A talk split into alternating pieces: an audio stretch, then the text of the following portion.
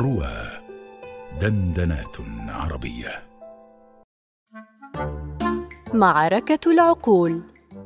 قصة أطفال بقلم فيد براكاش. بصوت الراوية هند صفي الدين.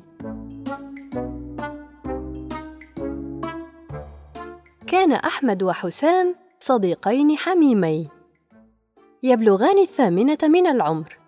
ويذهبان إلى نفس المدرسة معًا. وفي أحد الأيام كانا يحضران الدرس الخاص بالمشروعات العلمية. طلبت المعلمة من التلاميذ أن ينقسموا إلى فرق منفصلة. كل فريق مكون من اثنين حسب اختيارهم.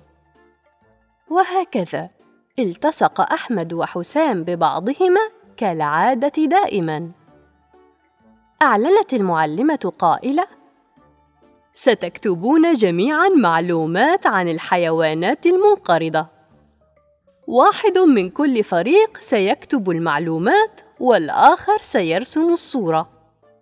والفريق الذي سينجز أفضل مشروع له جائزة.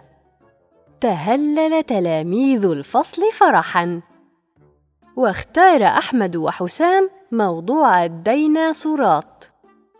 قال حسام أنت بارع في الرسم يا أحمد ولهذا يجب أن تقوم أنت بالرسم. تناول أحمد أقلام التلوين وأخذ يرسم بلهفة لكن حساما أوقفه وأمره قائلا لسنا بحاجة لأن ترسم هنا ولكن ارسم هناك قرب حافة الصفحة. وافق أحمد في طاعه حسنا ثم رسم ديناصورا أخضر.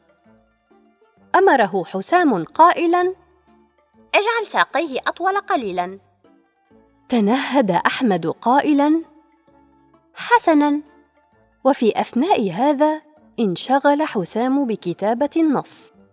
وبعد قليل قال لأحمد أرسم ديناصورا آخر خلف هذا تماما ليكون كل منهما يصارع الآخر.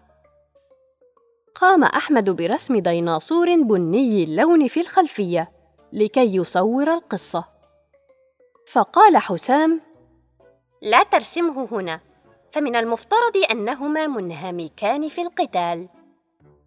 لكن أحمد لم يولي أي اهتمام لما قاله حسام. فقد تضايق من مقاطعته المتكررة. فاختطف حسام قلم التلوين من أحمد وأخذ يرسم بنفسه. فصاح أحمد. توقف عن هذا. إنه دوري أن أرسم. قم أنت بعملك. ألح حسام قائلا. لكن الديناصورين لابد أن يتقاتلا في القصة. لم لا تطيعني؟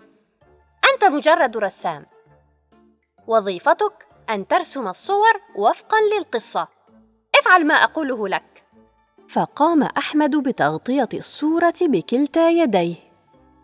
كما أمسك حسام بغضب الجزء الخاص به من الدفتر. أعلنت المعلمة باق من الوقت عشر دقائق فقط. هيا انتهوا من عملكم بسرعة. نظر كل من أحمد وحسام إلى بعضهما. قال أحمد لن نقدر أن ننجز عملنا في الوقت المحدد. فقال حسام موافقا. ولن نفوز بالجائزة كذلك ولكنني أريد الصورة الاثنين من الديناصورات وهما يتقاتلان. فاقترح عليه أحمد قائلا لندع هذا الرسم كما هو. ونرسم رسما جديدا على صفحة أخرى لأصورهما وهما يتقاتلان. ولن يستغرق هذا مني وقتا طويلا. وافق حسام قائلا هذا رائع. أخذ أحمد يرسم صورة أخرى تصور اثنين من الديناصورات وهما يتقاتلان.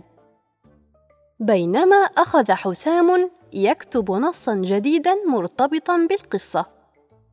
وعند نهاية الدرس فاز أحمد وحسام بالجائزة على مشروع الديناصورات. وأخذا يهللان ويصيحان فرحا بالفوز. قدمت لهما المعلمة التهنئة على فوزهما بالجائزة.